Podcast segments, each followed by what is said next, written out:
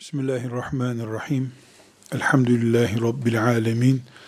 Ve sallallahu ve sellem ala seyyidina Muhammedin ve ala alihi ve sahbihi ecma'in. Şöyle bir psikolojik tahlil yapmaya çalışalım sizinle. 20 yaşında iki genç kız alalım. Bunlardan birincisine evlilik için haber geldiğinde ona evleneceksin. Allah'ın yarattığı başka bir erkekle karı koca olacaksınız. Ondan sonra onun kaynana e, onun annesi babası senin kaynanan kaynatan olacak.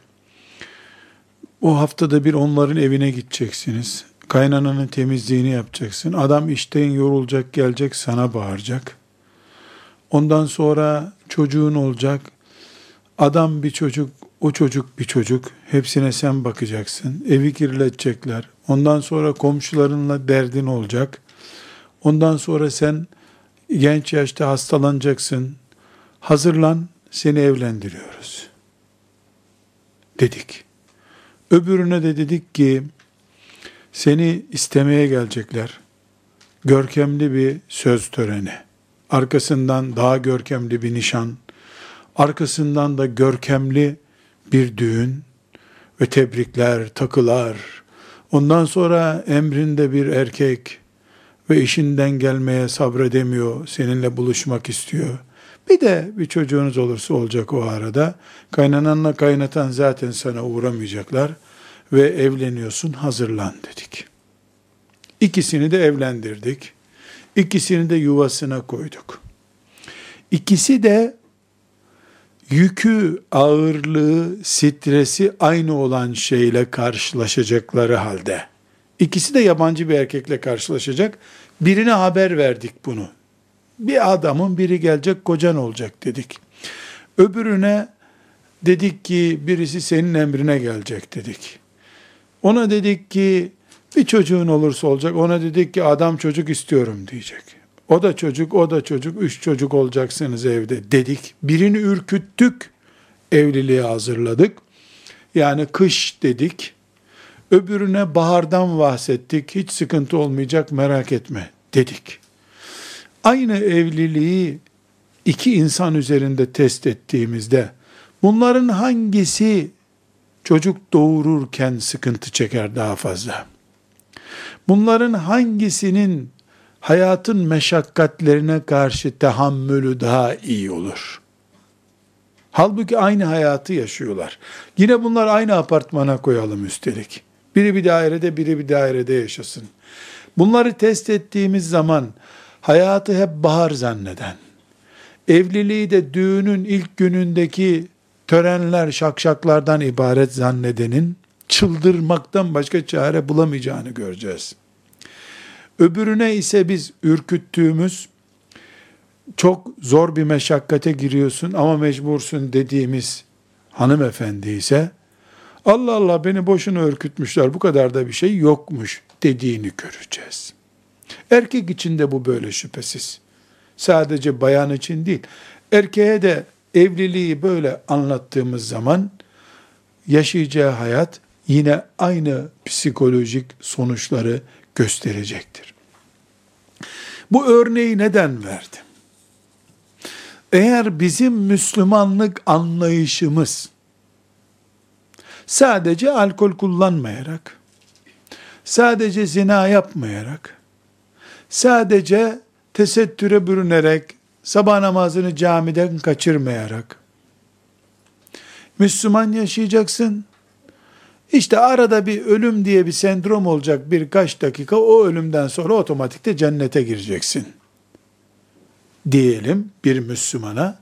Öbür Müslümana da 124 bin peygamber 124 dakika huzur bulamadılar bu dünyada. Ne kadar Allah'ın veli kulu varsa delirmeden veli olamadılar bir türlü en yakın dostları en çok eziyet ettikleri kimseler oldu. Tam namaza tövbe edip namaza başlayacağın zaman başka bir sıkıntın çıkacak. Hastalıkla uğraşacaksın, ondan düzelirken fakirlik gelecek. Fakirlikten kurtuldun, zenginlik bir başka bela olacak. Sonunda Rabbine kavuşuncaya kadar diyeceğiz. Öbür Müslümana da tıpkı hanımlardan birine pembe bir hayat vaat ettiğimiz gibi pembe bir Müslümanlık vaat edeceğiz. Birisinin sabah namazına kalkması en rahat yaptığı iş olacak. Öbür pembe Müslümanlık vaadinde olan yazın kalkmaktan zorlanacak, kışın erken yatmakta zorlanacak. Bu hayatı algılama tarzımız, başta ashab-ı kiram olmak üzere Allah'ın dostlarının yaşadığı hayatları, o zamanın Müslümanlarının işkence hayatları diye Uhud gününü, Hendek gününü, Yermük ve Kadisiye gününü, tarihteki bazı Müslüman abilerimizin başına gelmiş sıkıntılar diye gördüğümüz zaman, bir başka hayat tarzımız olacak. Allah beni imtihan için yarattı. Burası zevk-ü sefa yeri değil. Burası cennet değil, cennete gitme yeridir. Hiçbir istasyon benim evim değildir. Evime gitme yeridir.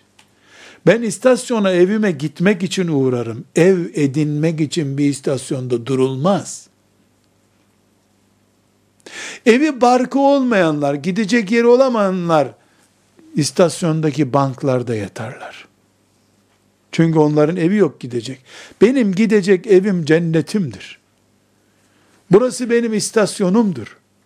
Bu istasyonda ben sadece Rabbim ruhumu alıncaya kadar kalacağım. Diyenler, bu dünya hayatında adeta sanki sıkıntılardan zevk alarak yaşarlar. Bu sebeple Müslüman gençler olarak sizler, ümmeti Muhammed'in yarınki anneleri olarak sizler, başta evlilik, çocuk yetiştirmek, eş hayatı yaşamak, Müslüman aile kurmak, Müslüman toplum için mücadele etmek, helal yemek, helal yaşamak, helal bir çay içmek, mümin kardeşlik yaşamak, Allah'ın razı olacağı ibadetleri yapmak, hac etmek, mümince Allah'ın razı olacağı takva şartlarda hac etmek, çocuk yetiştirip o çocuğu büyütmek, evlendirmek, torun sahibi olmak, İslam'ın devletini, hilafetini, müminlerin izzetini görecek mücadele içerisinde olmak. Sizin için hoca efendiler vaatlerde bulunuyorlar, Melekler de o vaadin gerçekleştiği gün geliyorlar, iniyorlar, hepimizi allayıp buluyorlar. Hepimiz tam ölüm vaktimiz geleceği zamanlar ama erken değil. Şehit oluyoruz. Hepimiz cennete giriyoruz. Ailece cennette devam ediyoruz. Diye pembe tabloları bir roman yazar gibi avucumuza yazar da sık sık avucumuza bakarsak pembe tablonun hangi paragrafındayım dersek o zaman dünya her gün bir yeri bombalanan bir yer. Her hafta bir Müslüman toprağında Müslümanların işkence gördüğü dünya. Hacca gideceksin, mahrem sıkıntısı var, Kur'an çıkmaz. Hac, haçta bir enteresan eziyetler. Hacca gidersin Müslüman kadın olarak orada sıkıntın. Anne olursun evladından sıkıntı. Müslüman sakallı Kur'an okuyan eşinden sıkıntı. Nedir bu hayat? Diye kahrettiğimiz bir dünyada yaşarız. Şehit olurken sırtından giren mızrak göğsünden çıktığı halde ah be kazandım vallahi kazandım diyen adamların zevkünün yerine namaz kılarken bile sanki secdeye gitmiyorsun da kafandan bir vinç seni aşağı doğru eziyor gibi zannedersin. Çocuğunun ağladığı sana annelik zevkini yaşatacak yerde bir bela, bir tank sesi gibi gelir. Çünkü sen başta hayata bakış tarzın komik. İstasyonu evin zannetmişsin sen. istasyondayız, evde değiliz. Hem A, B, C şahısları olarak, Müslüman fertler olarak evimizde değiliz. Misafirhanedeyiz, istasyondayız. Rabbimizin teknesine bineceğiz. Bu sahillerden aşıp Allah'ın izniyle cennetine gireceğiz. Ayşe anamla buluşacağım, Fatıma anamla buluşacağım, Ebu Bekir'le buluşacağım, Ömer'le buluşacağım inşallah biiznillah diyen anlayış sahibi olursan sen, sana eziyet edebilecek bir eziyet merkezi kurulamaz bu dünyada. Sen en zalim eşini bile adam edersin. Senin sabrının önünde adam olmayacak biri olamaz. Sen ki dağları eritecek bir sabır taşıyorsun. Sen ki Allah'a dayanman, Uhud dağına dayanan sahabe gibidir. Sen o gücünle, kuvvetinle asla ve kat'a eş sıkıntısından kahrolmazsın. Çocukların Nuh Aleyhisselam'ın çocuklarının babalarını bunalttığı kadar seni bunaltsalar yine Nuh olursun sen. Yine babalığın, anneliğin asla kaybolmaz. Hayata bakış tarzımız, bu hayatı koyduğumuz yer, bu coğrafyayı, bu dünyayı oturttuğumuz düzenek, karşılaşacağımız sıkıntıların ve bu hayatın gerçeklerinin sonuçlarını da getirecektir. Pembe tabloların altında ezilip gideceğiz veya aslı budur buranın. 124 bin peygamberi 120 dakika mola verdirtmedi Allah da bana mı verdirtecek? Babam Adem çileyle geldi bu dünyaya. Öbür babam Nuh aleyhisselam çileyle geldi bu dünyaya. Ben, ben kimim? Muhammed aleyhisselamın yetim doğduğu, yetim büyüdüğü, amcalarından işkence gördüğü bir dünyada, hicrete zorlandığı bir dünyada ben kimim? Ben kimim? Sümeyye'nin parçalanmış vücudunun bulunduğu bir dünyadayım ben. Bu duygu elbette kötülüklere, belalara, musibetlere buyurun gelin diye davetiye değildir. Gelirseniz siz musibetler, gelirseniz siz ey belalar, ey Ağrı Dağı, ey Everest Dağı, sen bile yürüyerek üstüme gelsen, beni ayakların altında çiğnesen, ben ki Allah'a dayandım, ezilmem Ağrı Dağı'nın altında. Erciyes Dağı beni ezemez çünkü ben Allah'a dayandım. Zaten bu dünyanın dağlık bir yer olduğunu, meşakkatli bir yer olduğunu biliyordum. Tam da Allah'ın tarif ettiği gibiydi burası. Derim, huzur bulurum. Dünyayı istasyondan başka barınak görenler, güzel düğünler yapabilirler. Buna itirazım yoktur. Düğünleri görkemli de olabilir. Hatta ve hatta doğmadan çocuklarını için doğum şovları da yapabilirler. Doğmamış çocuklarına hediye toplayabilirler. Boşanmaları da çok görkemli olacaktır onların. Çünkü dolan her şeyin boşandığını bilmedikleri bir dünyada yaşıyorlar onlar. Bu dünya meşakkat diyarıdır. Fertler olarak böyledir, ümmet olarak da böyleyiz biz. Şimdi ümmet olarak bulunduğumuz noktayı, ümmeti Muhammed olarak sallallahu aleyhi ve sellem ümmeti Muhammed diye Allah'ın öne çıkardığı ve sizi en hayırlı ümmet yaptım. Razı olduğum ümmet yaptım buyurdu. Bu bu tarzdaki anlayışı bugün neden hak ettiğimizi, neden biz ümmeti Muhammed olma farkıyla bu topraklarda var olduğumuzu düşünelim diye birkaç paragraf açacağız. Çünkü ne diyoruz? Hani bir kızcağız pembe tablolu bir hayata alıştırılmış, öbür kızcağız da karamsar bir dünyaya alıştırılmış. O huzurlu, bu huzurlu olabilir ama olayları karşılama tarzları farklı olacak dedik ki ümmet de böyledir. Eğer ümmet olarak biz biz Muhammed Aleyhisselam'ın ümmetiyiz. Miraç gördü peygamberimiz. Bize bu dünyada karaya oturmak yok. Hürüz. Melekler hizmetimizde, cinler hizmetimizde. Vay be bize yan bakal olmasın bu dünyada. Zanneden anlayış da olur. Ey çile peygamberi, doğmadan yetim, doğduktan sonra öksüz kalan Muhammed Aleyhisselam'ın ümmeti. Ey hicrete zorlanan, amcası tarafından taşlanan peygamberin to ümmeti, onun manevi çocukları, ben de onlardan birisi olarak, bu ümmet o ümmet olarak biz pembe tablo çizemeyiz. Biz çile ümmetiyiz. Çilenin peşinden koşmayız ama gelen çileler bizi dağıtamaz. Ezemez. Bizim bağrımız çilelere karşı dayanıklıdır Allah'ın izniyle. Fertler olarak da meşakkat çekeriz. Ümmet olarak da meşakkat çekeriz. Meşakkate karşı sabrımız da vardır, cihadımız da vardır, karşı taarruzumuz da vardır Allah'ın izniyle. Neden? Çünkü ortada tarihin büyük gerçekleri var. Bir, dünyada bugün ne sorunu var? Terör sorunu var. Ne sorunu var? Fakirlik ve maişet sorunu var.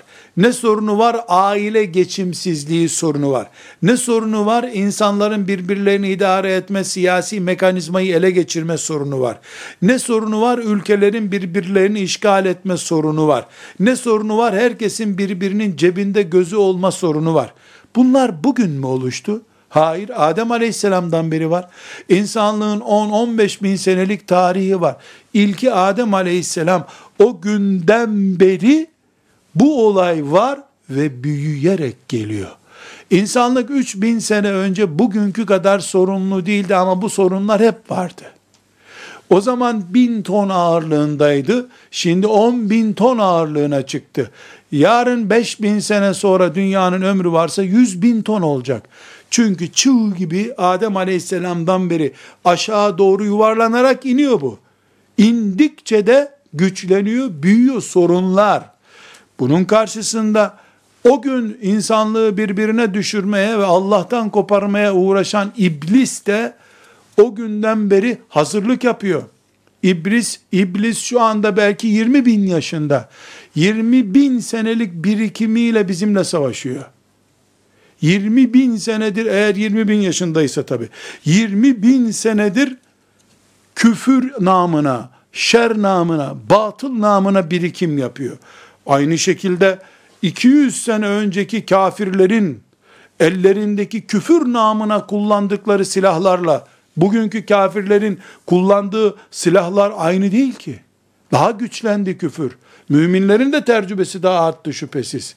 Bu geldiğimiz dünyada bugün sorun üstüne sorun yaşıyoruz. Neden? Zaten kıyamete doğru gidiyoruz. Dünya sonuna doğru gidiyor. Apartmanlar, daireler, dükkanlar, düğünler, keyifler, herkes yapa dursun bunlar ama dünya sonuna doğru gidiyor. Oyun bitiyor. Oyun bitmeye yaklaştıkça da dertler büyüyor. Biz ümmet olarak ahir zaman ümmetiyiz. Dert ümmetiyiz. Çile ümmetiyiz. Keyif ümmeti değiliz. Neden? Adem aleyhisselamdan beri insanlık da bizde kaldı, dertler de bizde kaldı, cennet de bize kaldı. Allah'ın izniyle ve lütfuyla. Sadece bu dertler değil, fitneler de çoğaldı. Depremler çoğaldı, seller çoğaldı, yangınlar çoğaldı, toplu ölümler çoğaldı. Her şey çoğalarak devam ediyor. Dünya milletleri hiçbir şeyde birleşmediler. İslam ve Müslüman toprağında birleştiler ama. Müslümanlara karşı saldırmak için birleşebiliyorlar. Bütün dünya İslam'ın karşısında. Bütün dünya Müslümanı imha etmek için uğraşıyor. Böyle bir zamanın ümmetiyiz biz. Gerçekçiyiz. Hayal ümmeti değiliz. Ve yalanın ayıp bile sayılmadığı bir zamana geldik. Zina, faiz, kumar, yüz kızartıcı suç olmayı kaybetmiş. Emanet duygusu insanoğlunun elinden gitmiş. Emanet, söz emaneti. Ben sana söyledim bunu. Sen de bu benim emanetimdir diye güvenebileceğin annen bile kalmamıştır bu dünyada. Başka bir problem, bu zamanın problemi. Allah'ın salih kulları azaldı. Alimler, ümmet derdi olan, Resulullah sallallahu aleyhi ve sellemin adını yükseltmekten başka derdi olmayan alimler azaldı. Örnek alınacak, peşinden gidilecek, maddi bir menfaati olmayan, bireysel menfaati olmayan ama ümmet için çalışan önder azaldı. Zaman yaklaştı. Peygamber sallallahu aleyhi ve sellemin haber verdiği kıyamete ait, kıyamet öncesinde olacak şeyler ortaya çıktı. Sadece bir tane cazip örnek vereceğim. Bugün Türkiye Cumhuriyeti devlet olarak kadın istihdamını erkek istihdamına çevirmek istiyor. Yani erkekler yüzde kaçı çalışıyor? Kadınların da o kadarı çalışacak deniyor. Mesela 10 erkekten 8'i çalışıyorsa 10 kadından da 8'i çalışsın. Kadın piyasaya çıksın istiyorlar. İş kadını olarak, işçi olarak, memur olarak, piyasada tezgah atar, işte pazarlamacı olarak neyse adı, para kazanma uğruna kadın piyasaya çıksın. Evinde oturmasın. Hatta kadın doğursun üç gün izin alsın sonra baba anne o çocuğu baksın devlet ona para versin. Kadın yeter ki çalışsın. Güzel. Bu bizi ilgilendirmiyor. Devlet politikası bu. Biz buna razı değiliz. Buna razı olmadığımız için de buna teyidimiz yoktur. Allah bize bunun hesabını sormayacak. Ama başka bir sorun var. Geldiğimiz zamanı değerlendiriyorum. Bulunduğumuz zamanı değerlendiriyorum. Pembe tablo çizmek değil, gerçekleri konuşmak, kış şartlarını konuşmak gerekir diye söylüyorum. Sevgili Peygamberimiz sallallahu aleyhi ve sellem Efendimiz ne buyuruyor? Kıyamet alametlerinden biri olarak kadın para piyasasında adı konuşulacak diyor. Kadın erkek gibi çalışacak diyor. Kadın da erkeğin parasını sayacak diyor. Şimdi geldiğimiz zamanı değerlendiriyoruz. Bunu Peygamberim sallallahu aleyhi ve sellem kıyamet alameti olarak sayıyor. Müslümanlar olarak biz kızlarımızın şurada burada sekreter olarak, işçi olarak, amele olarak, hatta bazı belediyelerde sokak temizlikçisi olarak, bahçıvan olarak, fabrikalarda iş, işçili olarak, siyasette siyaset işçisi olarak çalışmalarıyla övünüyoruz. Peygamberimiz kıyamet alameti diyor. Biz Müslümanlar olarak biz değilsek de Müslüman olduğunu bildiklerimiz övünüyorlar. Yangına mazot döküyorlar. Kıyamet alameti gerçekleşiyor. Gerçekler ağır. Bu kıyametin yaklaştığını gösteriyor. Biz de bu zamanın ümmetiyiz. 150 sene sonra bugünün tarihini ananlar, ellerini şakaklarına koyup la ilahe illallah Muhammedur Resulullah diyecekler. Müslüman adamlar, Ramazan günlerinde dev Müslümanlık lafları yapmışlar. Ne kadar kadın çalıştırırsak o kadar iyi olur diye de övünmüşler. Peygamberleri de kadın çalıştırılırsa kıyamet alametidir demiş onlara. Hayret edecekler. Bu dünyada bu nasıl oldu? Nasıl oldu? Bunlar peygamberlerinin sözünü şaka mı kabul ettiler? Merak edecekler. Bunun cevabını bulamayacaklar. Neden cevabını bulamayacaklar? Yoktur cevabı bunun. Bir kere kıyamete doğru giden bir ümmeti hiç kimse geri döndüremez. Fertler, şahıslar kendilerini bu yuvarlanma, bu felaket döneminden kurtarabilirler. İnşallah biz de onun için buradayız. Kurtulalım diye bunları konuşuyoruz. Kurtulalım, kurtaralım diye dinliyoruz. Ama kıyametin gelmesini engelleyemeyiz. Kıyamet gelecek bu Allah'ın hakkı. Kıyamet gelecek. Bu vaattir, haktır. Ama kıyamete giderken kıyamet fitnesi olarak gelecek diye Resulullah sallallahu aleyhi ve sellemin haber verdiklerine karşı gafil Müslüman olmayız en azından.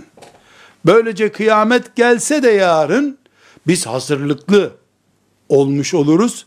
Biz tuzağına şeytanın yakalanmamış oluruz.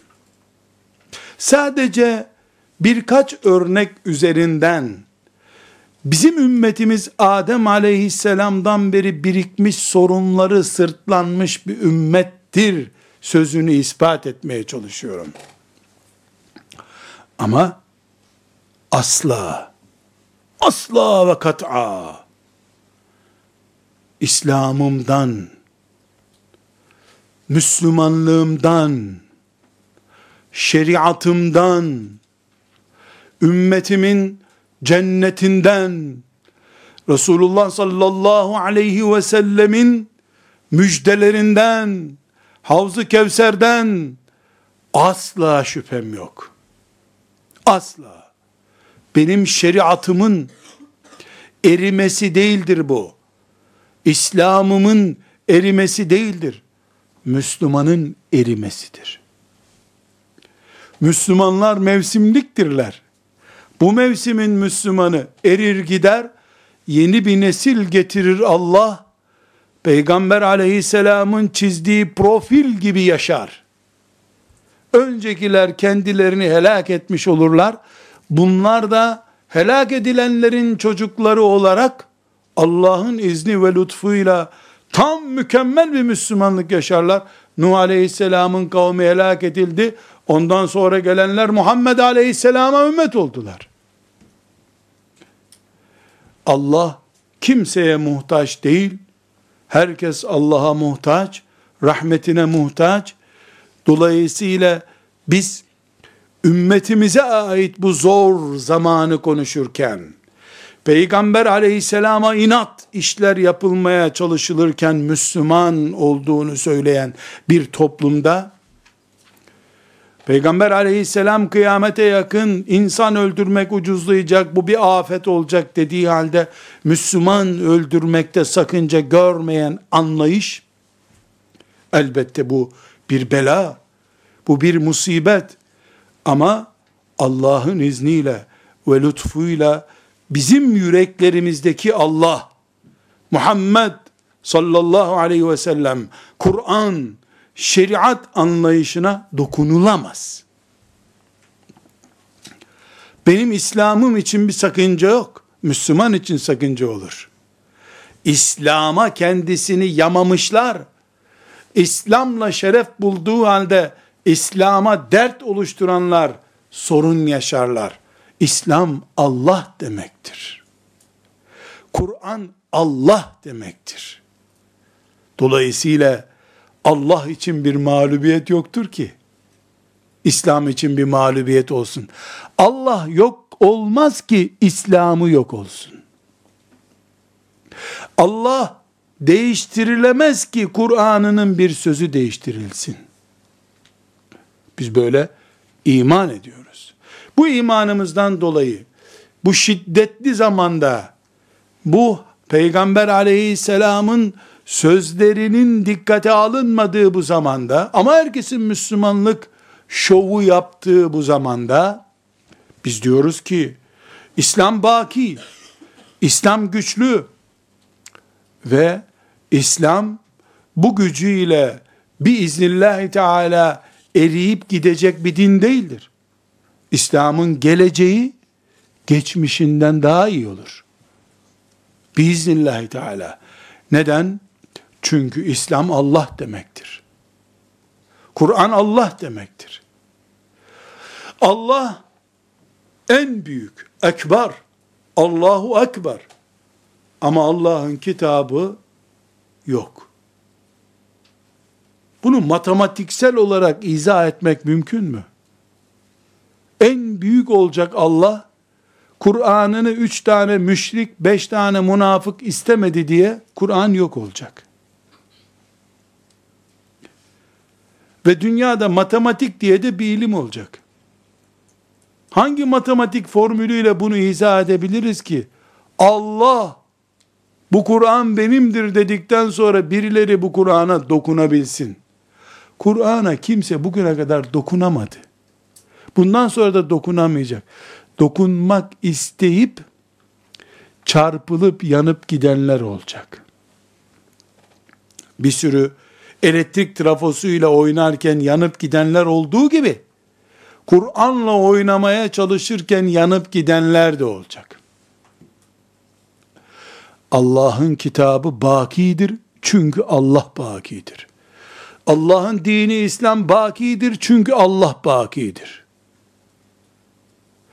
Ama nasibi olmayan, Kur'an-ı Kerim'den, İslam'dan, Muhammed Aleyhisselam'ın şeriatından nasibi olmayan erir gider. Biz buna İslam Allah'ın dinidir diyoruz ve bunu unutmuyoruz.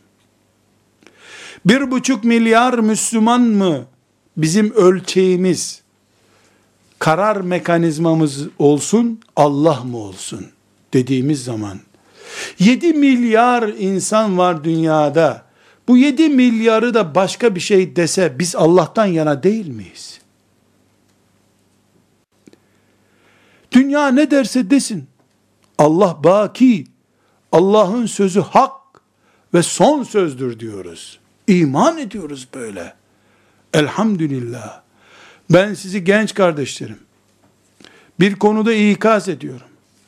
Bakın melekler bir gün size der ki sen Allahu Ekber diyordun.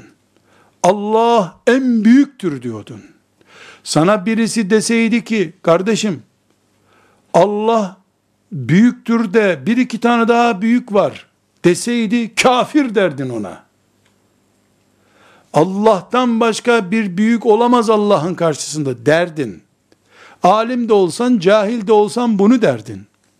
Peki, şimdi Allah en büyüktür. Kimse onun büyüklüğünü engelleyemez. O her dilediğini yapar. O azizdir, o kahhardır, o melikül mülüktür, her şey O'nundur. Bildiğin halde. Allah'ın Kur'an'ının geçerli olamayacağı zamanlar var diye nasıl inanmıştın? Soracak bir gün melekler. En büyük Allah'ın kitabını neden en büyük kitap olarak görmemiştin? Biraz aklı olan için bu çelişki kabul edilemez ki. Allah en büyük ama Kur'an'ının zamanı geçti. Allah'ın büyüklüğünün zamanı geçti mi? Allah evvelki asırlarda mı en büyüktü? Şimdiki asırlarda sıradan bir büyük diyeceğiz. Demek ki iman şaka bir şey değilmiş. Onun için genç kardeşlerim, filan surenin filan ayeti bu asrın idrakine uymuyor diyen Allah bu asrın bir idrakine uymuyor derdir. Hiç bundan kaçıp gidecek bir tarafı yoktur onun. Allah konusunda hiçbir itirazı yok zannediyor ama Kur'an'ın Nisa suresinin filan ayetinin ters olduğunu düşünüyor. Mesela kadınların incineceklerini zannettiği ayet için bu ayet diye başlıyor. Ayet derken de evirerek söylüyor ayeti. Niye? Onun çağdaş idrakine ters düşüyor. Batık, batı toplumunun reddiyelerinde var diye o ayeti eğri görüyor. Ama Allah en büyük. Hiç ona itiraz yok. İman bu değil. Biz zor zamanların ümmetiyiz. Bu zor zamanların gerekleri sadece İsrail devletinin, eşkıya devletinin, Filistinli kardeşlerimi silahlarla öldürmesi zorluğu değildir. Afrika'daki mümin kardeşlerimin açlık çekme tehlikesi değildir söz konusu olan. Beyin kargaşasına karşı direnebilen Müslüman olmak veya olmamak da benim imtihanımdır. Bu ümmetin çocuğu Allah'ın Kur'an'ı üzerinden pazarlığı kabul etmeyen çocuktur. Allah kimse Kur'an odur diyendir. Allah kim ise İslam'da odur diyendir ümmetin çocuğu. Önceki ümmetlerin çocukları ise sıkıştıkları her yerde ilk davizi Tevrat'tan ve İncil'den verdiler. Ekonomide sıkıştılar, faiz ayetlerini sildiler Tevrat'tan. Evlilikte yuvaları sıkıştı, Allah'ın o ahkamını çıkardı sildiler.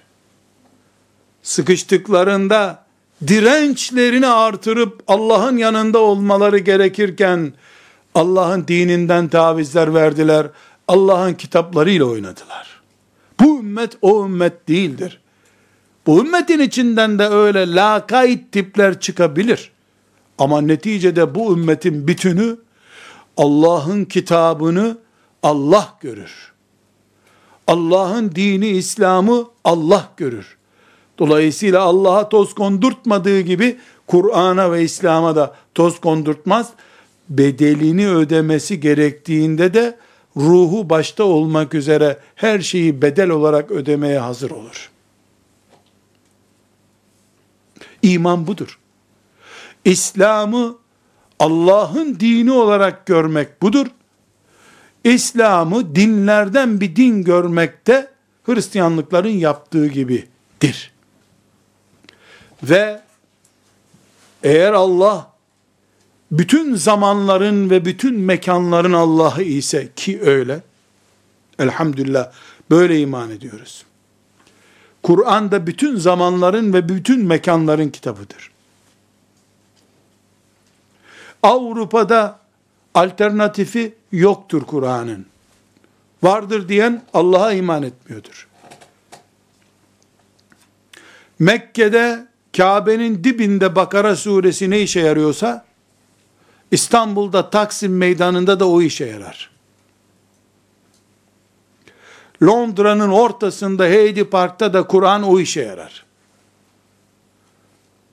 Kutup bölgelerinde de Kur'an o Kur'an'dır. Bu ümmet Firavundan kaçarken sığındığı peygamberini Tih çölünde satan İsrailoğulları değildir. Git Rabbinle beraber savaşın biz burada bekleriz diyen ümmet değiliz biz. Çünkü peygamberimizi ve onun mukaddesatını pazarladığımız zaman Allah'la işimiz biter bizim. Böyle iman ediyoruz. Bunu Mescid-i Aksa'nın dibinde de böyle düşünürüz. Konya'da Celaleddin Rumi'nin türbesinin dibinde de böyle düşünürüz. Allah var. Kur'an'ı var. Peygamberi var. Gerisi boş deriz. Biz ümmeti Muhammediz. Ve üçüncü noktamız, bizim dinimiz insana gelmiş bir dindir. İnsana ait ne varsa, insanın birikimi ne kadar ise ve nasıl ise İslam'da odur.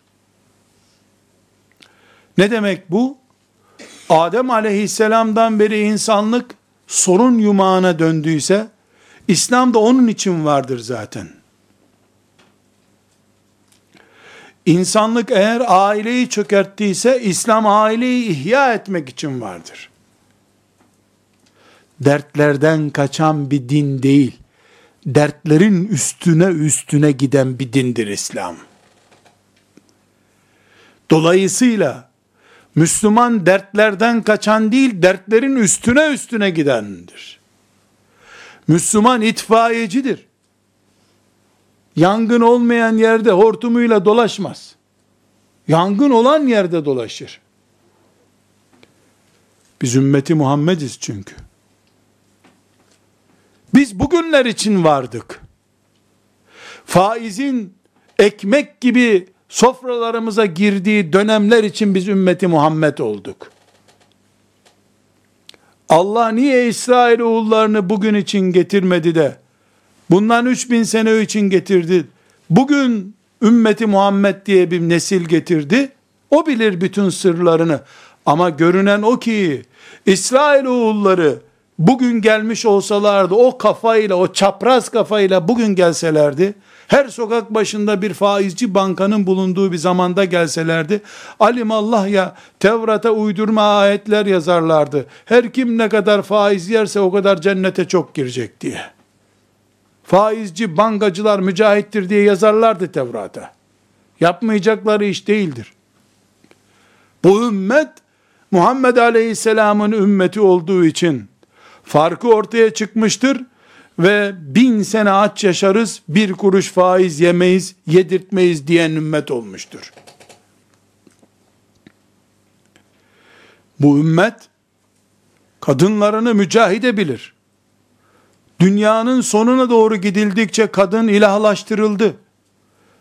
Önce birleştirilmiş milletlerin koruması altına alındı. Sonra da küçük devletler de kadını farklı tarzlarla, ve farklı yöntemlerle mini mini ilahlar haline getirdiler. Kadın erkeğin şerrinden korunurken erkekler kadının şerrinden korunacak hale gelmeye başladı. Bu ümmet vay neler gördük bu dünyada deyip dağlara kaçacak bir ümmet değildir. Bu ümmet bu kadın olayına nasıl bakacak? Tam Muhammed Aleyhisselam'ın gençlerinin yaşayacağı zamanmış demek ki. Bu yangını biz söndürürüz diyecek. Fark, ümmeti Muhammed farkı. Sallallahu aleyhi ve sellem. İnsanlık sorun biriktiriyor. Yuvarlaya yuvarlaya bu sorunları hep büyütüyor. Ama ümmeti Muhammed de kıyamete yaklaştıkça hacmi büyüyor. Tecrübesi büyüyor. Allah'ın izniyle de bu ümmet bu dertlerin üstünden gelecek bir ümmettir diye iman ediyoruz. Zor zamanda olduğumuz doğru ama biz kolay bir Müslüman değiliz o da doğru. Zaman zor olabilir. Biz de güçlüyüz Allah'ın izniyle. Arkamızda alemlere rahmet gelmiş Muhammed aleyhisselam var bizim. Bizim işimiz değil taviz vermek. Dinimizi lakayt hale getirmek bizim işimiz değil. O İsrail oğullarının işiydi. O Yahudi taktiğiydi. Biz ise ben Resulullah'ın sünnetlerinden birini ihmal edersem bu gök kubbenin altında bir daha nasıl dolaşırım diyen Ebu Bekir'in peşinden gidiyoruz. Allah ondan razı olsun. Bu da üçüncü gerçek. Dördüncü gerçek. Afrika'daki Müslümanlar aç. Arap ülkelerindeki Müslümanlar sefil zeliller. Birbirlerininle savaşıyorlar. Türkiye'deki Müslümanlar şu kadar parçaya bölünmüşler. Orta Asya'daki Müslümanların hali ortada. Avrupa'dakiler yakında otobüslere doldurulup ülkelerine sevk edilecek belki de. Şu görüntüye bak. Bu İslam'ın görüntüsü değil. Müslüman olduğunu söyleyenlerin görüntüsüdür. İslam Allah'tır çünkü. Bu sefalet Allah'a nispet edilemez. Bu hantallık, tembellik Allah'a izafe edilemez. Bu Müslümanların görüntüsüdür. Müslümanlığı bir köşesinden tuttukları dini yaşama şeklinde anlayanların hatasıdır bu. Bir önceki nesilden, daha önceki nesilden başlamış hatanın faturalarını ödüyoruz. Elhamdülillah ki mübarek bir nesil geliyor. Bu gelen nesil eski nesillerin de açığını kapatacak bir hızla biiznillahü teala Allah'ın dini İslam'ı Allah'ın kulları olarak olduğu gibi yaşayacaklar. O nesil Kur'an'dan sanki ayıplıymış gibi bir ayeti konuşturmayacak kimseye. İndirdiyse Allah hak odur diyecek. Medine'deki güzellikler dünyanın her yerinin güzelliğidir diyecekler. Biizillahi Teala. Ve bunun gelmesi uzun asırlar da sürmeyecek. Sabahın ışıkları çoktan görülmüştür. Bunun için Allah'a hamd ediyor ve bütün hasretimizle yalvarıyoruz ki bizi o nesillerden etsin. Ve dördüncü gerçeği de unutmadık. Neydi dördüncü gerçek? Bu zafiyet ve zillet görüntüleri İslam'ın görüntüleri değildir. İslam yücedir. Çünkü İslam Allah'ın dinidir. Allah yüce olduğu gibi dini de yücedir. Ama İslam'a bağlanmış olduğunu söyleyenler İslam şerefine uygun olmayan bir zilletin içine düşmüşlerdir. Onlar da çırpınıp kurtulacaklar biiznillah diye umut ederiz. Ama onlar kurtulmasa bile onların o zilleti gelecek nesillere ders olacak ve onlar Allah'ın izniyle ayağa kalkmış, dik duran, göğü, göğe kadar kafasını kaldırmış Müslümanlar olacaklar Allah'ın izniyle. Beşinci gerçeğimiz var. Nedir o? Biz bütün bunlara rağmen bu istasyonda yaşadığımızı söylediğimiz halde dünyadan bir buğday tanesini dahi kafirlere bırakacak çapta değiliz. Bir buğday bile bırakmam kafirlere. Kuyumcu dükkanlarındaki, bütün dünyanın kuyumcu dükkanlarındaki bilezikleri ve kolyeleri Müslümanların kızlarının kollarına ve ayaklarına takarım, kafirlere bir bilezik bırakmam. Bu dünya ümmeti Muhammed'in Allah diyenlerin hakkıdır. Dünyayı Allah yarattı. Bu nimetleri Allah yağdırdı. Dolayısıyla Allah diyenler, secde edenler, helal diyenler, helal giyinenler, helal konuşanlar, herkesten fazla Allah'ın bu nimetlerine hak sahibidirler.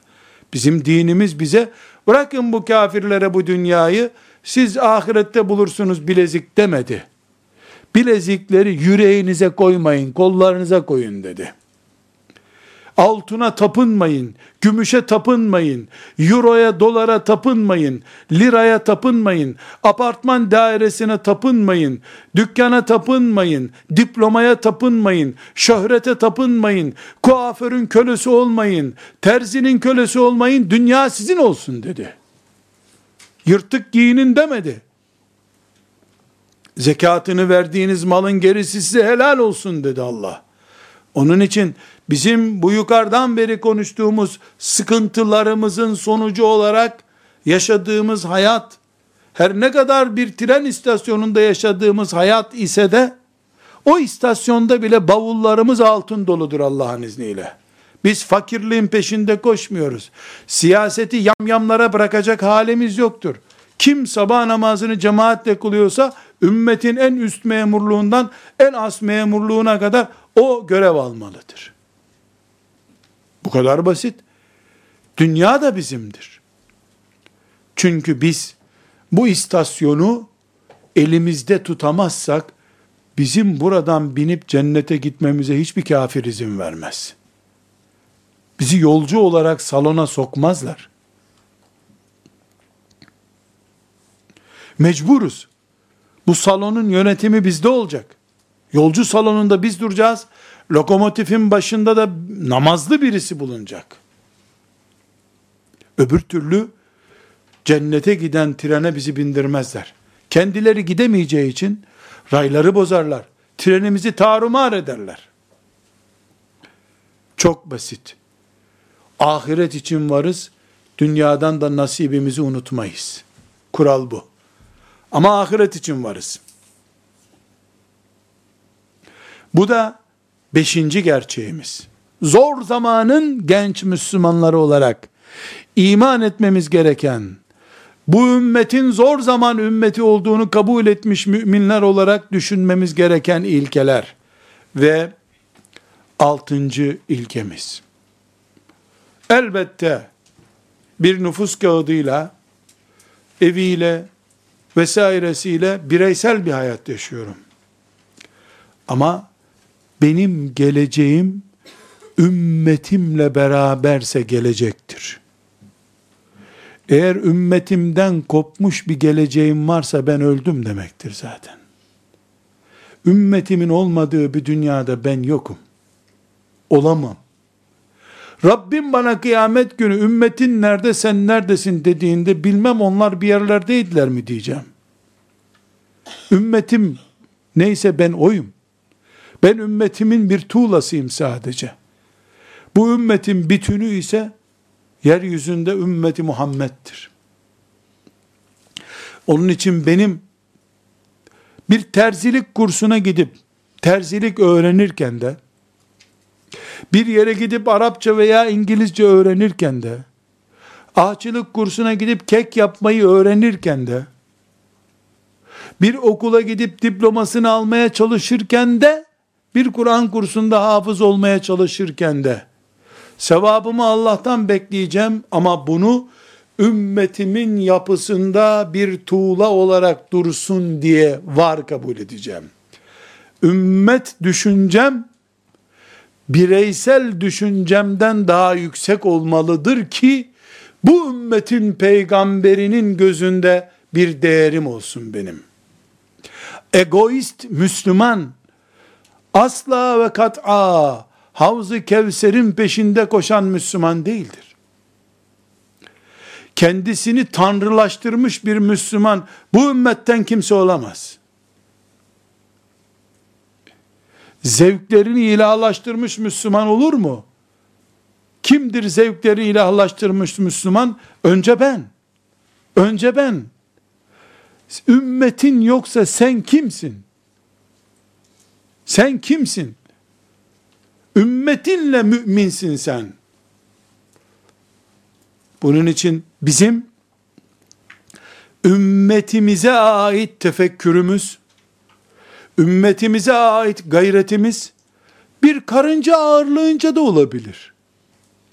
Kapasitem benim bir miligramsa bir miligram, bir tonsa bir ton, milyon tonsa milyon ton. Beni Allah ne kadar yarattıysa, nasıl yarattıysa oyum ben. Hiçbir şey yapamıyorsam, çocuk doğurur büyütürüm. Onu da yapamıyorsam doğmuşları büyütürüm. Onu da yapamıyorsam büyümüşlerle oyun oynarım moralleri düzgün olsun diye. Hiçbir şey yapamıyorsam Kur'an okunan bir medreseyi süpürürüm her hafta. Öyle yapacak işlerim var ki benim ümmetimden bir parça olduğumu idrak ettiğim zaman ben asla ve kat'a ümmetimden koptuğum zaman var kabul edemem kendimi. Ümmetimin çekim alanı dışına düştüğüm zaman maazallah ben bittim demektir. Yörüngesinden çıktığım ümmet benim peşinden koştuğum cenneti getirmeyecektir bana. Bunun için gayretlerim, heyecanım, sevdam, hasretim, yaşam tarzım, sohbetlerim, on arkadaşla bir araya gelip çay muhabbeti yaparken ki gündemim, evliliğim, boşanmam, hayatım, ölümüm, her şeyim ümmetimledir. Ümmetim içindir. Geride bıraktığım ümmetim veya ümmetim gitti ben geride bıraktığım, geride kaldığım yer helak olduğum yerdir.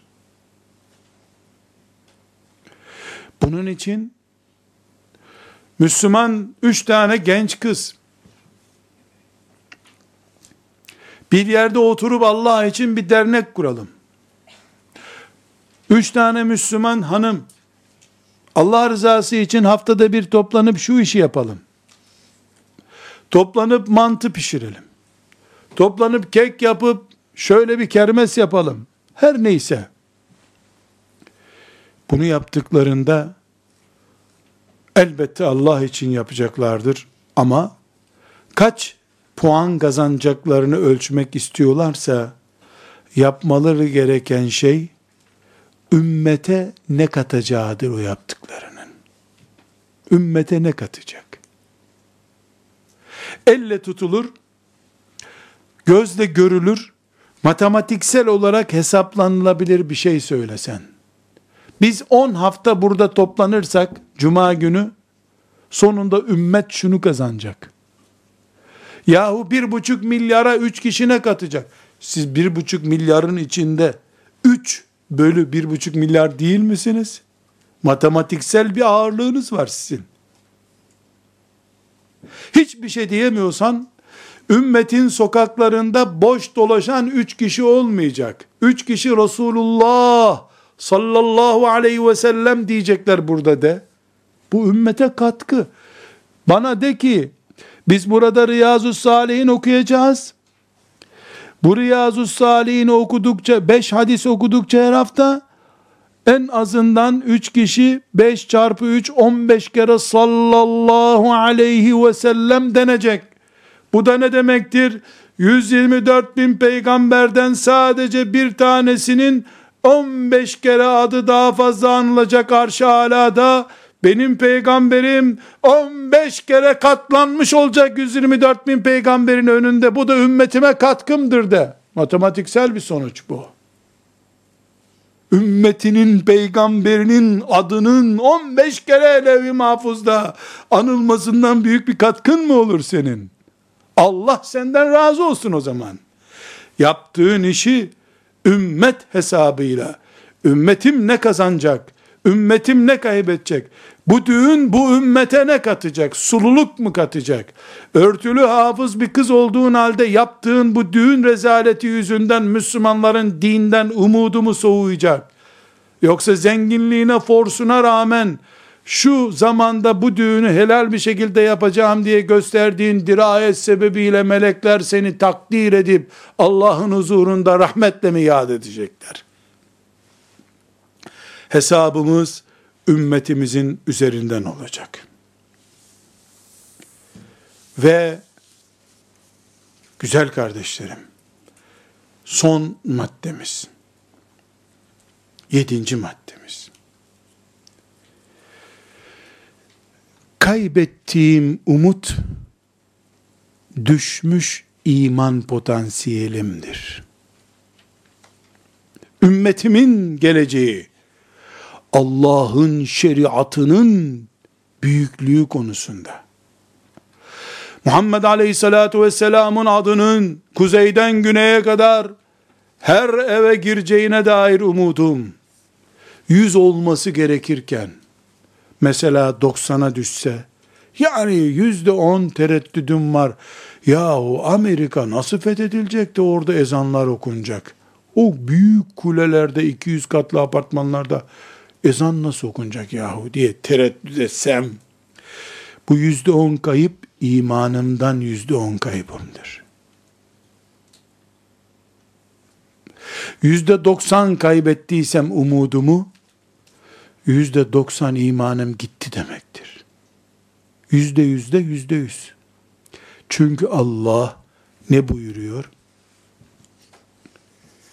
Ancak kafirler Allah'tan umutsuz kalırlar. Yapacak olan biz miyiz ki Amerika'da bir gün ezanlar okunacak derken şüphe edelim bundan. Tarık bin Ziyad mı Endülüs'ü fethetti de Muhammed Fatih mi İstanbul'u fethetti de Halid bin Velid mi Filistin'i fethetti de biz şimdi Amerika'da ezan nasıl olacak o yüksek gökdelenlerde diye tereddüt edelim. Tarık bin Ziyad'ın Allah'ı değil miydi Endelüs'ü fetheden? Sultan Mehmet'in Rabbi değil miydi İstanbul'u fetheden? Yapan, eden, yaratan Allah değil mi? Celle Celaluhu. Kul ne yapabilir ki? Umudumun koptuğu yerde kopan imanımdır aslında. Maazallah. Ben ipe asılırken bile umudum sonsuzdur. Çünkü hayatta yaşamayı, kalmayı varlık nedenim olarak görmüyordum ki. Bu hayattan koparılmış olmaktan korkayım. Ve yedinci kural diyoruz ki, umutsuz kalmak, imansız kalmak gibi bir şeydir. Kaybettiğin umut kadar, şeytan sana giriş yapacak demektir. Ve bunu sen bile bile yaptığın için de kıyamet günü hesabını vereceksin. Zor zamanın ümmetiyiz. Ama zor zaman için yaratılmış bir ümmetiz. Biz İsrail oğulları gibi